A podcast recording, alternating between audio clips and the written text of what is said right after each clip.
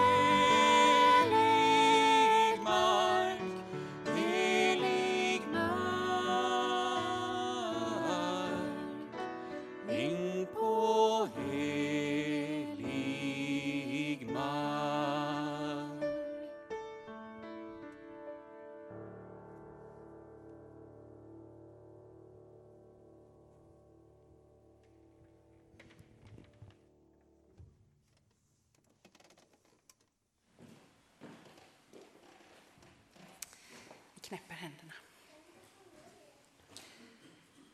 Tack Gud för att vi får vara barn hos dig.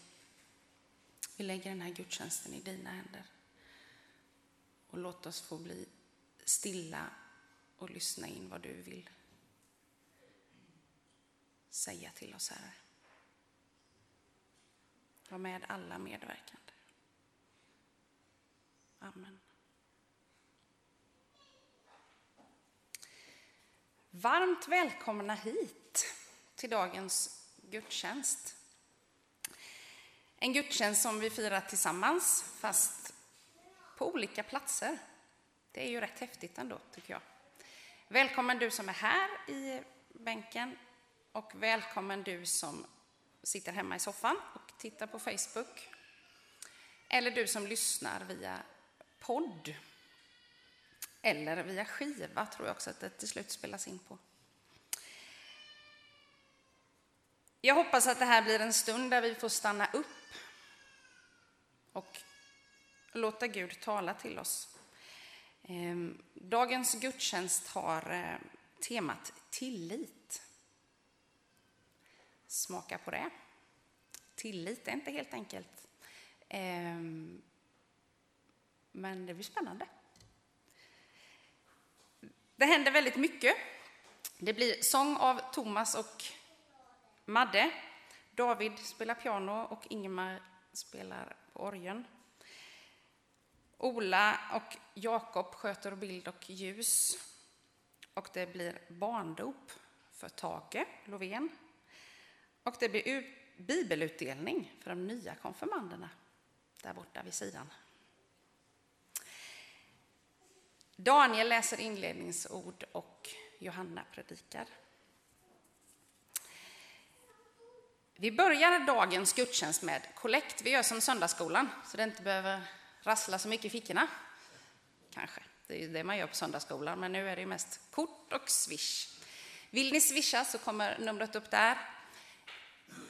Eller ge din gåva i kontant så kan man göra det där borta. Eller gå ut till kollektomaten där ute, eller gåvomaten. Vi sjunger psalm 180. Var dag är en sällsam gåva.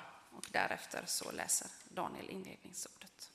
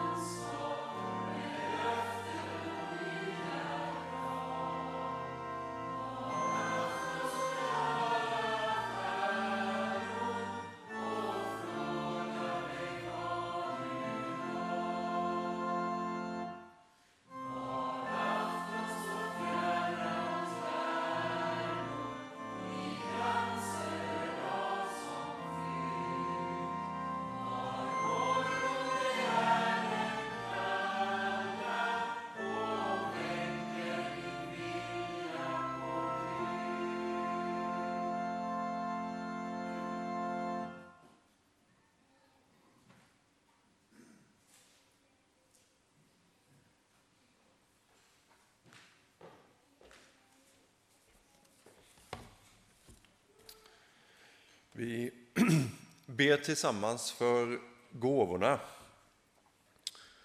Kära far, jag tackar dig för alla givare. Eh, och jag tackar dig för de medel som kan samlas in. Vi ber, kära far, för varje krona att det ska få göra nytta i ditt rike och i vår församling. Amen. Så ska jag läsa dagens inledningsord och det är hämtat ur Johannesevangeliet, Johannes evangeliet, 14 kapitlet, vers 1-4. Eh, och det är den första delen då ur eh, Jesu avskedstal till lärjungarna. Känn ingen oro, tro på Gud och tro på mig. I min faders hus finns många rum. Skulle jag annars säga att jag går bort för att bereda plats för er. Och om jag nu går bort och bereder plats för er så skall jag komma tillbaka och hämta er till mig för att också ni ska vara där jag är. Och vägen dit jag går, den känner ni. Vi ber tillsammans igen. Tack far för ditt ord. Eh, och tack för att vi får dela det tillsammans här i gudstjänst. Vi lägger nu den här gudstjänsten i dina händer. Och jag ber dig att du gör oss lyhörda för vad du vill säga till var och en av oss. Oss som är här och oss som lyssnar på andra sätt. Amen.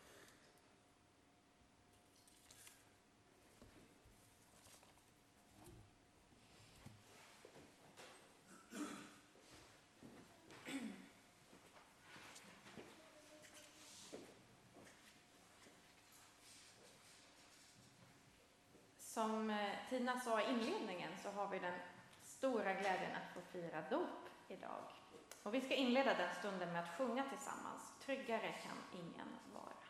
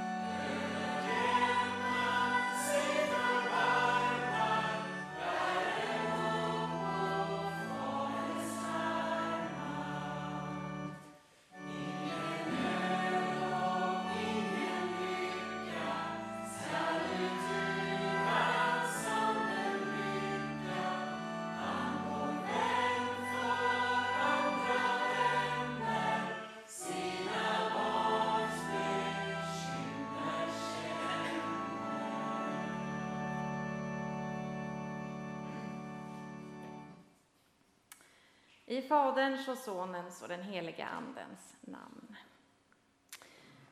Ja, ni föräldrar, Thomas och Ellen, och syskon, Olof och Walter, ni har tagit emot Tage som en gåva ifrån skapelsens och frälsningens Gud. Och vi är nu här för att tacka Gud och be för det barn som ni har fått. Barnen hör Gud till. Och därför har ni kommit för att låta döpa Tage in i Kristus. Och vi får som församling idag tillsammans dela glädjen över Guds omsorg om sina barn. Jesus Kristus instiftade det heliga dopet och vi hör Jesu egna ord. Åt mig har getts all makt i himlen och på jorden. Gå därför ut och gör alla folk till lärjungar. Döp dem i Faderns och Sonens och den helige Andens namn och lär dem att hålla alla de bud jag har gett er. Och jag är med er alla dagar till tidens slut. Så ska också farfar Bernt Elis få läsa för oss om hur Jesus tog emot barnen.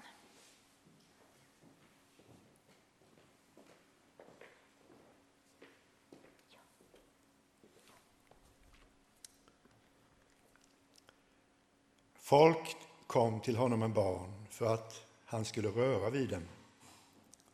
Men lärjungarna visade bort dem. När Jesus såg det blev han förargad och sa Låt barnen komma hit till mig och hindra dem inte. Guds rike tillhör sådana som de. Sannerligen, den som inte tar emot Guds rike som ett barn, han kommer aldrig dit in. Och han tog dem i famnen, lade händerna på dem och välsignade dem. Tack. Och så vill vi också göra med Tage idag. Nu ska vi hälla upp lite vatten här. Vill du hjälpa mig, Walter? Nej. Olof kanske? Nej, då gör jag det.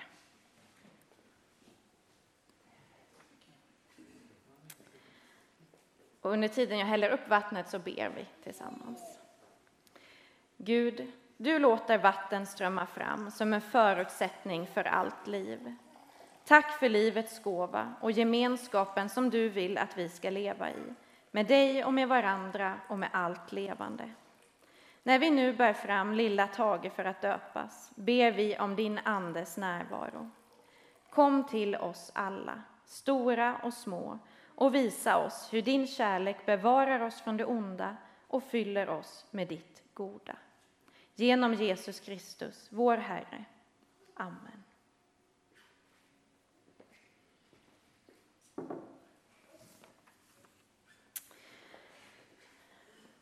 Förra söndagen då hade vi ju glädjen att få fira dop igen.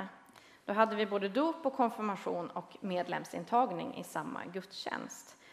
Och så idag igen. Det är ju verkligen ingen hejd på alla festligheter. Men någonting som jag tyckte framkom på ett väldigt fint sätt förra söndagen, det är ju hur olika våra vägar till tro kan se ut. För vissa så kommer tron först, någonting som sen får ta sig uttryck i dop och medlemskap. Och åt andra så ges dopet som gåva väldigt tidigt. Och ur den grunden, ur den tryggheten, så får den egna tron sen näring att växa fram. Och kanske bekräftas det sen en dag genom just konfirmation och önskan om att få bli en del av den kristna församlingen. Dop, tro och gemenskap i Guds församling, det är lite som den tretvinnade tråd som det står om i Bibeln. När alla tre finns på plats så brister det inte så lätt. Och Tage, du får idag ta ett första steg tillsammans med Jesus. I dopet så får du påbörja en livslång vandring tillsammans med livets Gud som har lovat att alltid vara din vän. Och det är ju vår bön att Tage steg för steg också ska få syn på honom som alltid går vid hans sida och en dag säga sitt eget ja till livet med honom. De här tre trådarna de kan läggas samman i olika ordning men när alla finns på plats så är det lika starkt och hållbart oavsett. Men den tretvinnade tråden det kan också vara ett uttryck för våra olika relationer i livet, de djupa relationerna.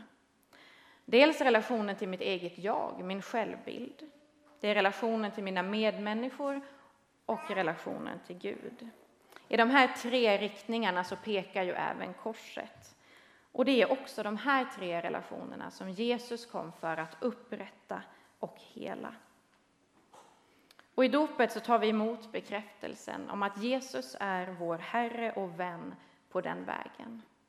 Han går med oss för att hjälpa oss i livets alla olika riktningar. Inåt, uppåt och åt sidorna med varandra. Och det är ju nu vår uppgift som församling, som familj, som vänner, som faddrar att berätta för Tage om vilken vän han har i Jesus och vilket stöd och vägledning han kan få av honom oavsett vad det gäller. Tryggt vilar Tage i Jesu händer och tryggt får han bli buren av dopets vatten. Den apostoliska trosbekännelsen är ett uttryck för vår samhörighet med den kristna kyrkan i alla tider och över hela världen. Så låt oss med de orden tillsammans bekänna vår kristna tro. Och vi står upp.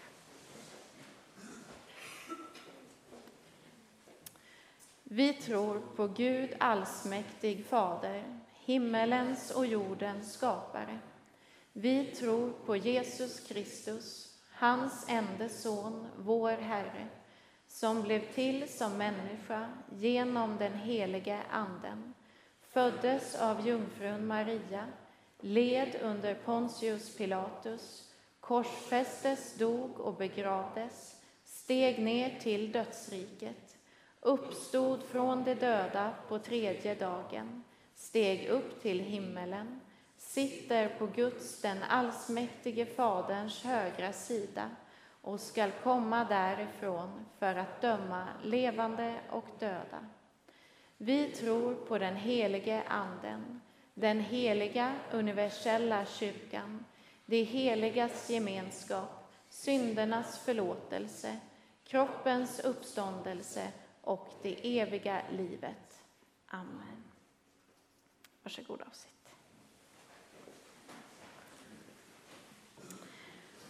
Då frågar jag er föräldrar, vill ni att Tage ska döpas in i Kristus i denna tro?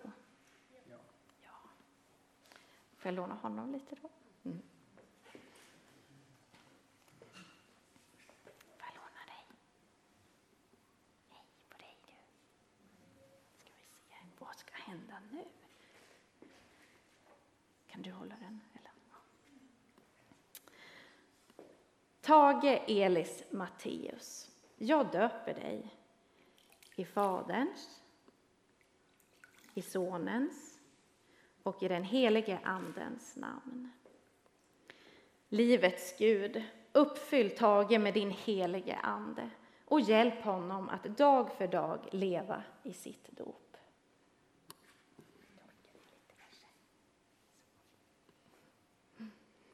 Jesus sa, den som i mitt namn tar emot ett sådant barn, han tar emot mig. Och Tage, vi välkomnar dig i Guds familj och vi tar emot dig med kärlek och med förväntan.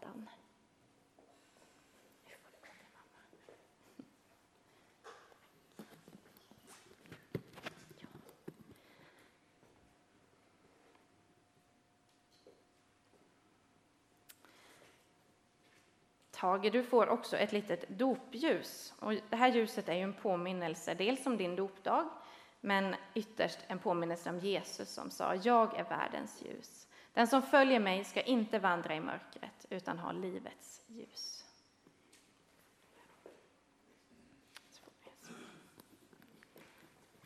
Nu ska vi få lyssna till sång och det är Tina som ska sjunga.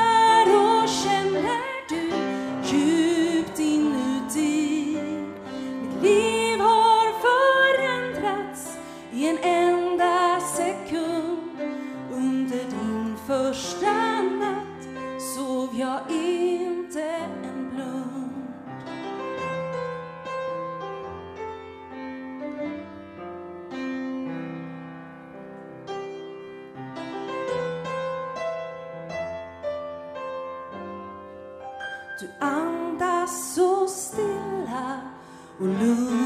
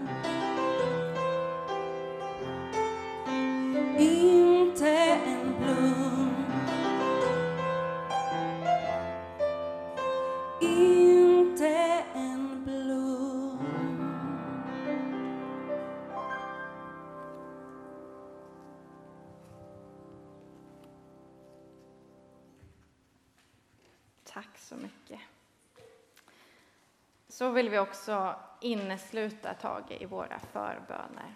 Så vi ber. Gud, tack att vi får leva i den värld du har skapat. Tack Jesus att du räddar oss från allt ont. Tack helige Ande att vi får vara tillsammans här.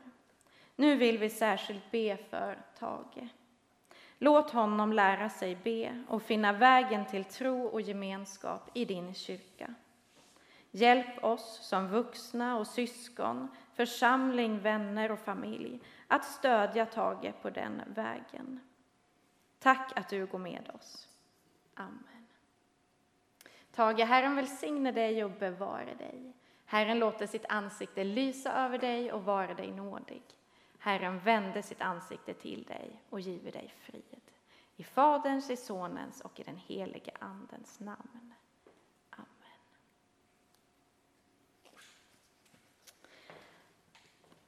Vi är så väldigt glada över dig, Tage, och vi är väldigt glada och tacksamma över hela din familj. Och vi önskar er alla Guds rika välsignelse.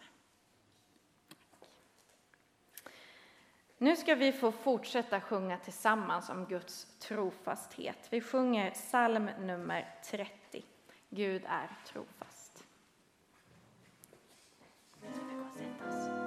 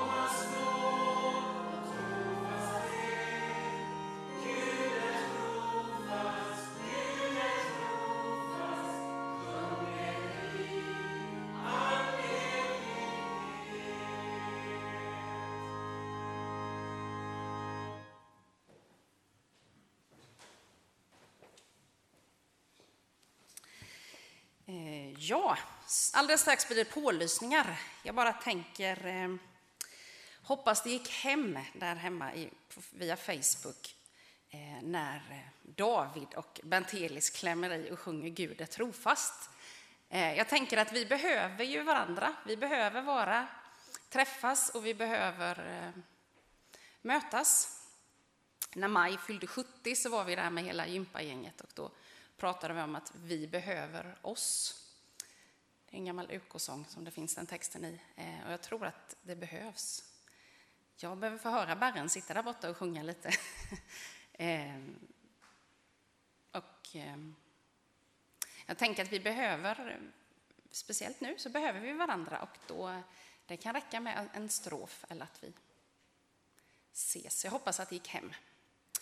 Ja, nu ska vi se här, om vi tar pålysningarna. På måndag är det barntimmar, barnkörsövning, spårare. Eh, är det inte upptäckare också? Jo, det är det också, för det ska vara cykel då har jag hört. Ja, precis. Eh, men det är ingen tonår på måndag, utan det blir på tisdag istället. Och då träffas ni klockan 18 här. Och då är det Fiat med knuff. Vad tror du det är då? Italiensk bil, ja. Det är gokart de ska köra då, vet jag. Efterlängtat är det i alla fall. Eh, på tisdag är det också nattvardsstund. På torsdag är det församlingsmöte och eh, ni som vill vara med då anmäler er på en lapp här ute i, på kyrktorget. Eh, på fredag är det puls i Torvshallen och på söndag är det nattvardsgudstjänst. Eh, det är oklart om det blir Mattias eller om det blir Johanna som predikar. Därefter blir det UK-övning. Och nu känns det... Det är en sak till, ja. Och Ingmar kommer också fram. Vad är du? I vårt programblad på anslagstavlan så står det tipsrunda för världens barn. Vi brukar ju stå och skramla med sparbössor i, på ICA, men i år känner vi att det där avståndet och om man är 70-plussare, nej, vi gör inte det. Men vi tänker låta hela bygden få gå tipspromenad. Vi sätter upp en tipspromenad den 25. Det blir på lördag. Ja. Fredag. 25 är fredag och så fram till den 2 oktober. Det är nog den vanliga rundan här. In vid Jonlidens och ut vid Pelles lada. Och då får man betala en startavgift. Och eh, den går till världens barn. Så det är minimi 20 kronor, eller 50 eller 100. Ja, ni får tänka själva. Startar här i kyrkan och så går det rundan och det finns en tipspromenad för vuxna och en för barn. Och förhoppningsvis lär vi oss lite, men också kommer pengarna till nytta. Vi kommer att dra, lotta ut lite priser också. Så det har inte med hur många rätt man har, utan att man deltar. Tack för att du hjälper till och skänker till världens barn. Jag tänkte också säga några ord om att delta. I fredags var Ekumenia Ingarps årsmöte. Och när eh, balans och resultaträkningen presenterades så märktes ju att det har inte varit någon påskaktion. Det var alltså ganska stor förlust förra året. Eh, men det har ju Ekumeniastyrelsen eh, tänkt råda bot på och har roliga och trevliga initiativ, bland annat eh, bilbingo häromsistens och nu kommer Ekumenialoppet den 10 oktober och jag lovar att pusha lite för det. Och det gör jag med stor glädje, om jag själv inte kan springa, men jag ska i alla fall gå så många varv jag kan runt eh, trekanten här ute. Och det vet jag att det är jättemånga flera som ska göra. Det finns anmälnings eller nummerlappar där ute och så skriver man upp sig på en lista ute i kyrktorget. Och jag tycker det vore skam om vi inte kan få ihop 80 stycken personer som går eller springer ett eller flera varv runt trekanten. Det kostar 100 kronor att delta och sen kan man skaffa sponsorer som betalar per varv hur många varv man tar sig runt och på så sätt får in pengar till Ekumenias kassa. Du som brukar vara här och handla på påskaktionen och med glädje lägger 1500-2000 kronor för en fågelholk eller en eh, ett påskägg som inte visar sig vara mer än ett påskägg. Du betalar gärna 2000 kronor för någon som springer eller något annat. Och du ställer naturligtvis självklart upp och springer, går och gör det här till en fest. Frida och Frida har fixat och gjort det här riktigt roligt. Så nu räknar vi med att det blir fullt på listan där ute. Den som springer fortast eller flest varv får ett pris, men vi lottar också ut ett pris. En middag för fyra personer på en restaurang bland alla som deltar. Och då är det oavsett om man springer ett eller 14 varv. Skriv upp er. Underbart! Jag har börjat försäsongsträna, höll jag på att säga. Jag kan sponsra dig, pappa. Får du ett eh, nummerlapp. Ja. Eh, ja, Johanna, nu är det dags för predikan.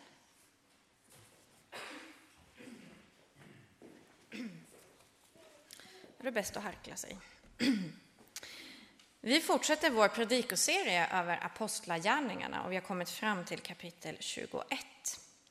Jag ska läsa vers 7 till och med 14 och vi står upp för Guds ord.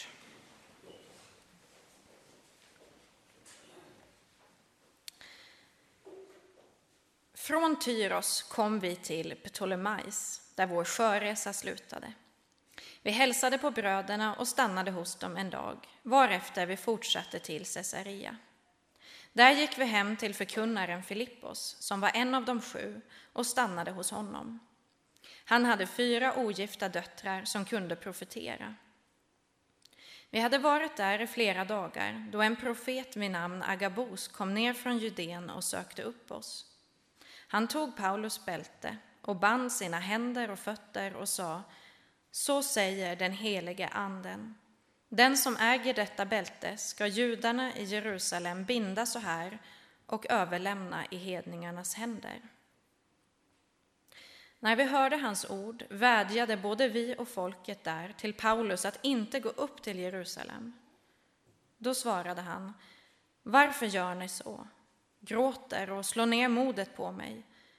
Jag är beredd att inte bara låta mig fängslas utan också lida döden i Jerusalem för Herren Jesu namns skull.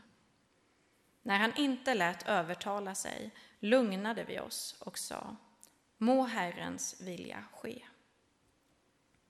Vi ber. Gud, vi tackar dig för ditt ord. Vi ber att du ska skriva in det i våra hjärtan och att det ska få bära frukt i våra liv. Amen. Varsågod och sitt.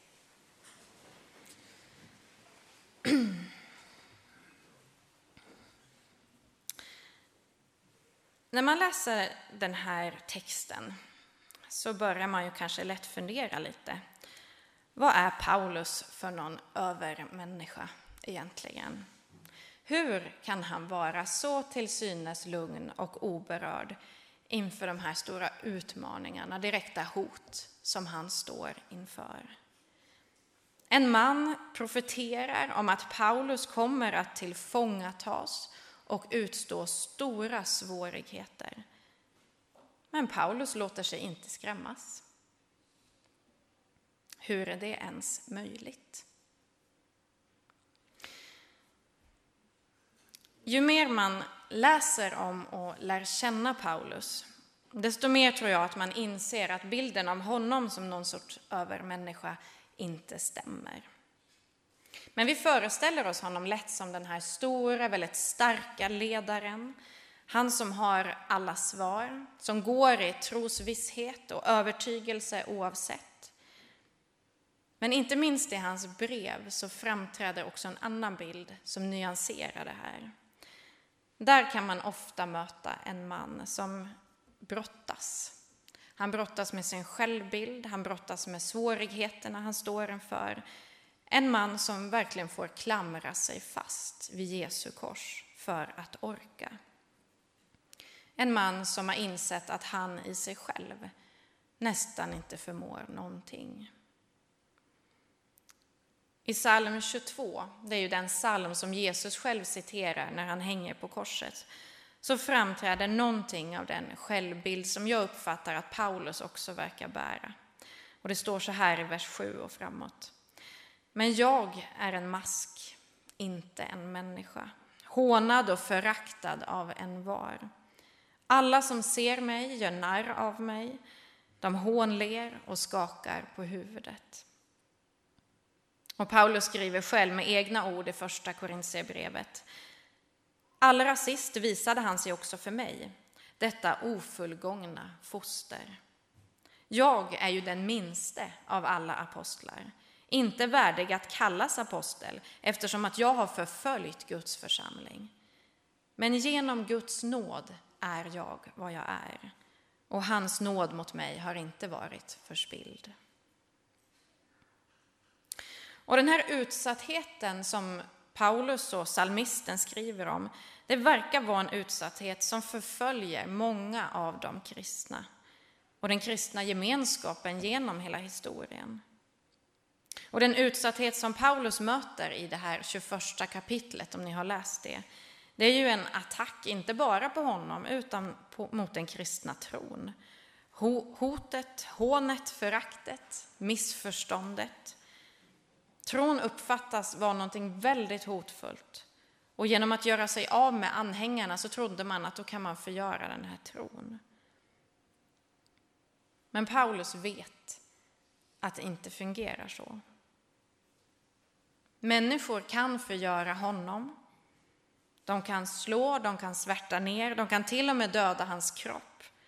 Men det heligaste, det som faktiskt betyder någonting ur ett evighetsperspektiv, det kan de aldrig smutsa ner.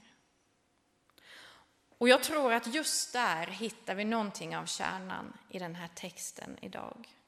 Där, i den här övertygelsen hos Paulus, hittar vi också upprinnelsen till hans stora lugn. För när vi tar emot Jesus i tro så är det vår övertygelse och vårt hopp att han flyttar in i vårt hjärta. Gud tar sin boning i oss, han utgör centrum i vårt liv. Och det tror vi ju att han gör i sin egen kraft. Det är ingenting som vi förmår honom att göra. Det är inte någonting som vi är satta att vaka över. Den helige Andes närvaro i oss, det är en nåd, det är någonting som vi får ta emot. Och just eftersom att det är Guds verk så innebär det ju på samma gång att det också är skyddat. Det är säkert oavsett vad som händer. Och Paulus, han vet det, han är övertygad om att det är så. Han vet att även om han beger sig till Jerusalem och det värsta inträffar, så är det som djupast sett är honom själv, det är bevarat i Gud för evigt. Men därför blir det också så svårt för honom när hans vänner försöker få honom att avstå från att åka med hänvisning till alla de här farorna som hotar. Och Paulus säger själv, varför gör ni så? Varför gör ni så här? Varför gråter ni? Varför försöker ni slå ner modet på mig? För deras oro hjälper inte honom. Tvärtom så gör det kanske honom osäker på vad som är viktigt, vad som har ett värde i det långa loppet. Hans vänner oroar sig för Paulus kropp, för det som vi kan se och ta på. Men genom att rikta strålkastarljuset mot det jordiska så försvårar de för Paulus att hålla sitt fokus på det eviga. Men det enda som det här leder till för Paulus det är känslor av oro och rädsla. Och vi människor fungerar ju så. När vi ser orosmoln torna upp sig i horisonten så blir vi rädda. Vi är skapade så. Och känslor av oro och rädsla, det är ingen synd. Det är viktigt att säga igen och igen. Men det är inte heller någonting som är särskilt konstruktivt för oss. När vi blir rädda så blir vi ofta defensiva. Vi blir ganska begränsade. Vårt synfält smalnas av. Vi kan få svårt att sortera och prioritera. Så för att Paulus ska klara av det här väldigt stora uppdraget som han har, så är det avgörande för honom att kunna se längre än bara till närliggande horisont. Om han ska orka det här, då behöver han ständigt ha evighetsperspektivet för ögonen. För ur det ljuset så ser han att han är trygg. I det ljuset då skingras skuggorna och han blir varse vad som är viktigt på riktigt och vad som inte är det. Jesus säger, känn ingen oro. Han säger inte, ni får inte känna oro. Eller, ni är väldigt dåliga om ni känner oro.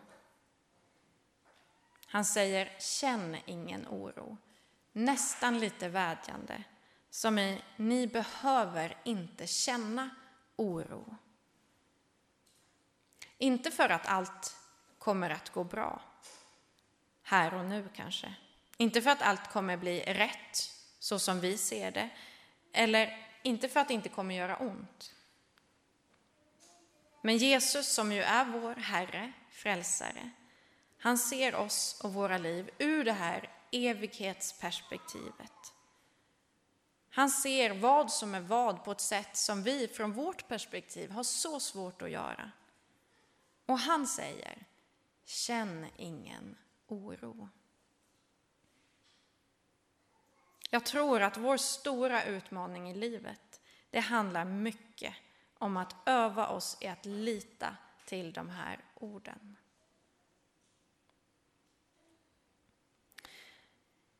Med det sagt så tror jag inte att Paulus var någon övermänniska. Jag tror att han blev på riktigt orolig när han fick höra Agabos profetia och sina vänners invändningar mot hans förestående resa till Jerusalem. Och det är därför han ber dem att sluta. Och till dem, men kanske ännu mer till sig själv, säger de här orden. Jag är beredd. Det är inte så mycket en känsla, läser jag, som en övertygelse, som ett inre beslut. Jag är beredd. Jag väljer att tro. Jag väljer att lita på Gud. Och det får vi också göra. Inte en gång, utan kanske varje dag. Välja att lita på Jesu ord. Känn ingen oro. Tro på Gud. Tro på mig. Och just för att vi, vi inte heller är några övermänniskor så kan vi inte förvänta oss att det där bara ska komma spontant när vi står inför utmaning och prövning. Vi behöver förmodligen uppbåda all vår viljestyrka och bestämma oss för att trots allt välja tilliten som livshållning. Paulus självbild vacklar oerhört, men hans tro på Gud var orubblig. Kanske inte alltid hans upplevelse eller känsla, men i överlåtelsen och i beslutet. Och därför är han ett sånt föredöme för oss. Därför tror jag att han får leda så många människor till tro. För han visar genom hela sitt liv att det är vanliga, enkla människor som Gud kallar. De är bristfälliga och rädda och förvirrade och väldigt osäkra och vi får känna igen oss i Paulus som människa. Men vi kan också inspireras av honom och i hans beslut att oavsett vad som händer välja att lita på Gud. Och det är ju också det som sker i den här texten när vi fortsätter läsa. När hans vänner förstår Paulus orubblighet i beslutet, då lugnar också de sig. De blir lugna av Paulus lugn. De blir tillitsfulla genom hans tillit. Och jag kopplar på det du sa Tina. Alltså på samma sätt så tänker jag att osset, viet, församlingen är ett sånt ovärderligt stöd för oss. När vi oroas, då får vi hämta kraft i den gemensamma övertygelsen ja, i församlingen som genom generationer har burits av tilliten till Herren. Det kan stå som ett vittnesbörd för oss när vi skakar, när vi darrar i vårt innersta. Gud är trofast. Gud är trofast. Sjung det om och om igen. Känn ingen oro. I samband med att jag förberedde dagens predikan så dök det upp en bild i mitt Facebookflöde. Jag ska se om vi kan få upp den här på väggen. Se där. Det är en bild på gamle pastorn Ingmar och lilla yngsta barnbarnsbarnet Ronja. Och det här är ju en verkligen alldeles helt ljuvlig bild. Men det är också en bild av tillit, en bild av trygghet och omsorg. Det är en bild av det lilla barnet som så helt får bara förlita sig på den som bär det. Den som har det stora perspektivet. Och när vi oroar oss, då får vi påminna oss om i vems famn det är som vi vilar. I vems händer som våra liv är burna. Och när vi glimtvis kanske får upp ögonen för det, då tror jag att också vi, i alla fall tillfälligt, som personerna i texten, kan lugna oss och kanske be med orden Må Herrens vilja ske. Låt oss be.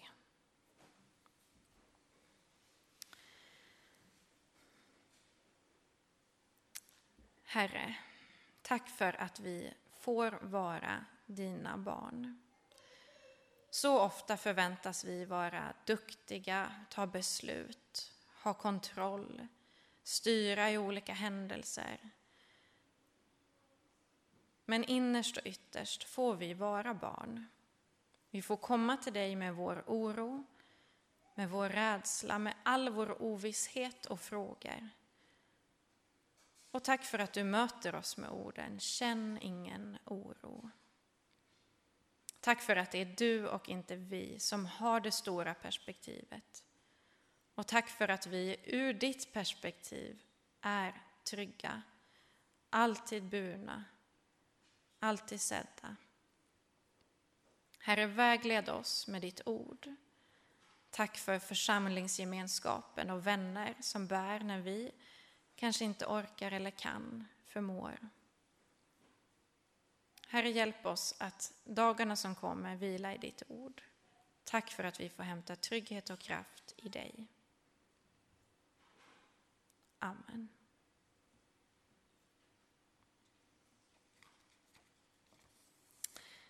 Vi ska få lyssna till mer sång med Thomas och Madde.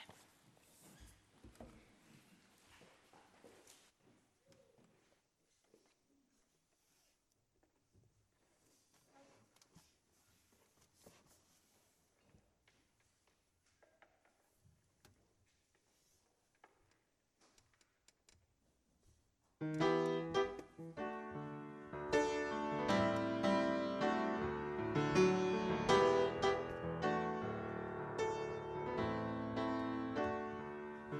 är kärlek lagd i våra händer. Du är våg på våg av barmhärtighet. Du är vinden som kommer från en annan årstid. Du är gryningen som väcker oss till liv.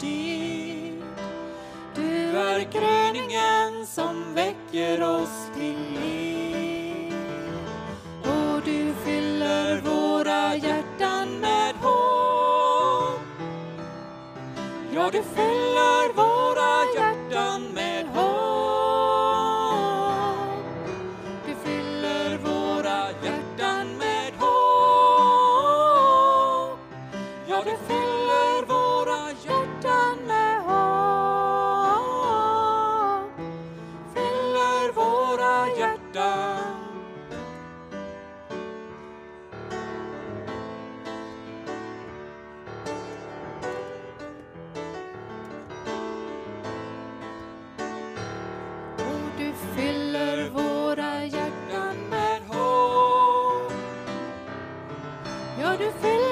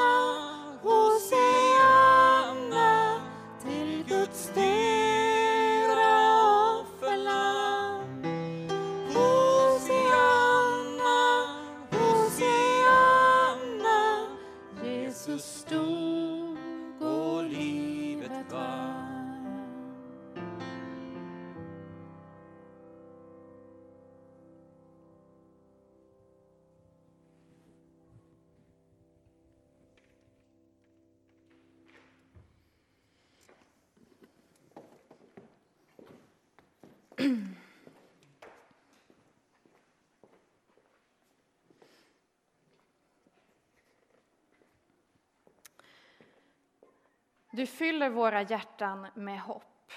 Jesus dog och livet vann. Ja, därför bedriver församlingen konfirmationsundervisning. För att det här är så viktigt. Vi vill berätta om det och vi vill fördjupa kunskaper om Jesus som Herre och Frälsare. Förra veckan så fick vi avsluta ett konfirmationsår och i år så ska vi starta upp ett nytt. Så Elof Temar, Gustav Ingesson och Nils Rydsmo, ni får jättegärna komma fram nu. Det är liksom bara killar känns det som, som är ja, men det är ju fantastiskt roligt att ni har valt att gå konfa. Vi har ju ett litet eh, nytt upplägg för det här året än vad vi har haft eh, ett antal år nu. Vi kommer att träffas en gång i månaden, söndagar efter gudstjänsten, under året. Och ganska ofta så ska vi ha undervisning tillsammans med ungdomarna i Ekenässjöns eh, Missionskyrka heter det inte. Ekumeniakyrkan i Ekenässjön. De ska vi ha undervisning tillsammans med, så det blir kul. Det blir nog lite nya ungdomar som inte ni känner kanske sedan tidigare. Och nästa sommar så kommer vi åka på ett två veckors konfirmationsläger till Klintagården. Så det kommer bli väldigt roligt tror jag och spännande. Vi är jätteglada att ni satsar på det här och att ni vill ge det här året till att lära känna Jesus och lära känna församlingen bättre. Och det är vår förhoppning att det ska bli ett väldigt viktigt och meningsfullt år och roligt år också. Men kanske ändå mer meningsfullt och viktigt. Ni får en bibel med er på den här resan, för det är, tror vi, den bästa eh, vägvisaren man kan ha i livet. Och vi tror också att ni kommer ha nytta av den under det här året. Eh, jag har skrivit upp en bibelvers i den här bibeln. Det är från Johannes 3 och 16. Där många vet vad det står där. Det står Ty så älskade Gud världen att han gav den sin enda son för att de som tror på honom inte ska gå under utan ha evigt liv. Man brukar kalla den här versen lite för lilla bibeln, att det är som en sammanfattning av det som står i den här boken. Och Bibeln är som ett kärleksbrev till oss, ett kärleksbrev till er. Och vi hoppas att den här boken ska få vara till vägledning, men också välsignelse och till hopp för er i ert liv. Så slit den med hälsan. Hoppas att den efter det här året trillar sönder för att den är så sönderläst. Vi får väl se hur det blir. Ska se. Gustav, varsågod. Vad roligt att du ska gå och konfa. Nils, varsågod. Välkommen med på resan. Och Elof, välkommen. Då vill vi be för er också och det här året som ligger framför. Tina är med också här framme.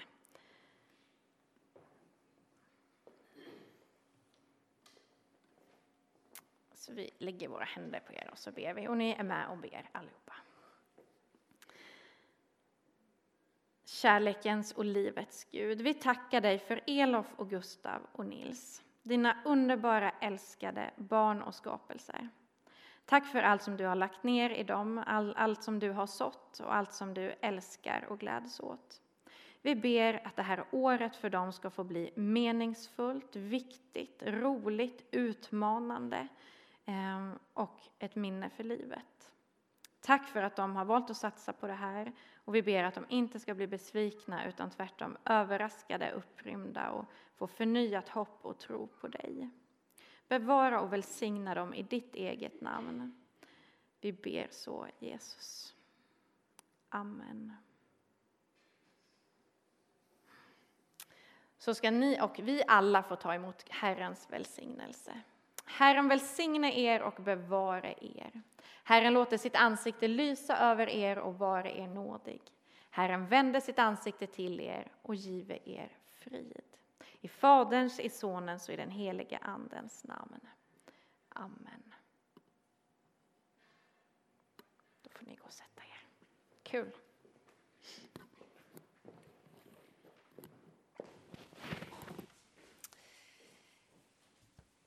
Ehm, vi går mot slutet av gudstjänsten och vi kommer avsluta på ett lite annorlunda sätt. Mer eh, coronaanpassat, men också mer individanpassat.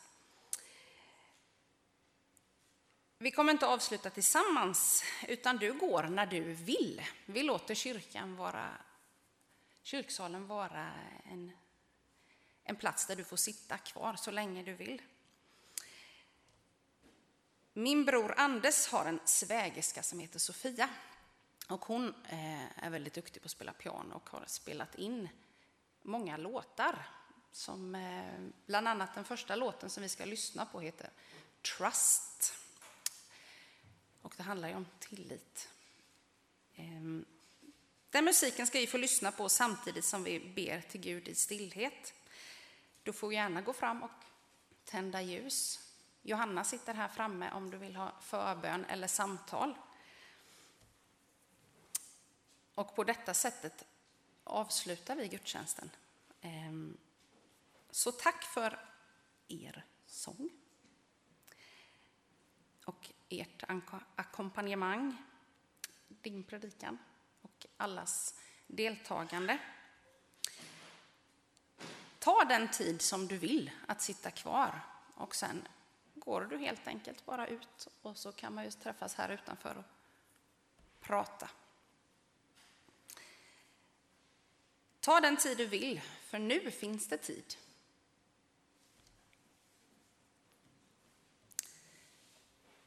Vi ber tillsammans. Tack Jesus för nu. Tack för att du är här. Och tack för att du lyssnar på det vi har att lämna över till dig. Tack för att vi får vara ditt svar på, på bön. Att vi får vara, hjälpa varandra i oro, i rädslor, Herre. Tack för att du har sått ett frö hos Elof och Nils och Gustav. Och herre, låt oss tillsammans som församling finnas där och, och bära och försöka svara, Herre. Tack för den stund vi har nu. Och kom till oss alla. Herre.